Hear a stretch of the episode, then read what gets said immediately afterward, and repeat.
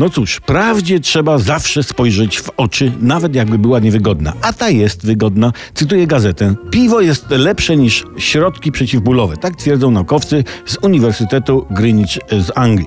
No ktoś mógłby powiedzieć, no to oczywiste, że piwo jest lepsze. No nikt nie chodzi z kumplami do pubu na środki przeciwbólowe.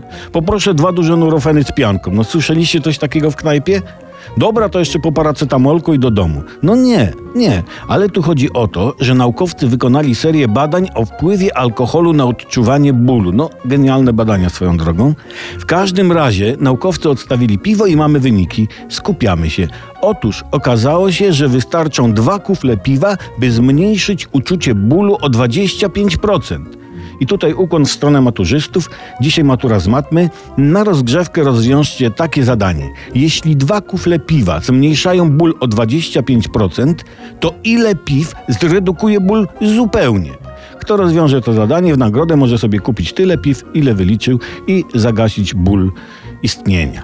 No tylko jedna sprawa. To, że piwo gasi ból, było wiadome już na drugi dzień po uważeniu piwa przez człowieka jakieś 9 tysięcy lat temu. No, naukowcy mogli zapytać, jak nie wiedzieli, a nie wydawać niepotrzebnie pieniądze podatnika. Chyba, że, chyba, że badania sponsorowały browary.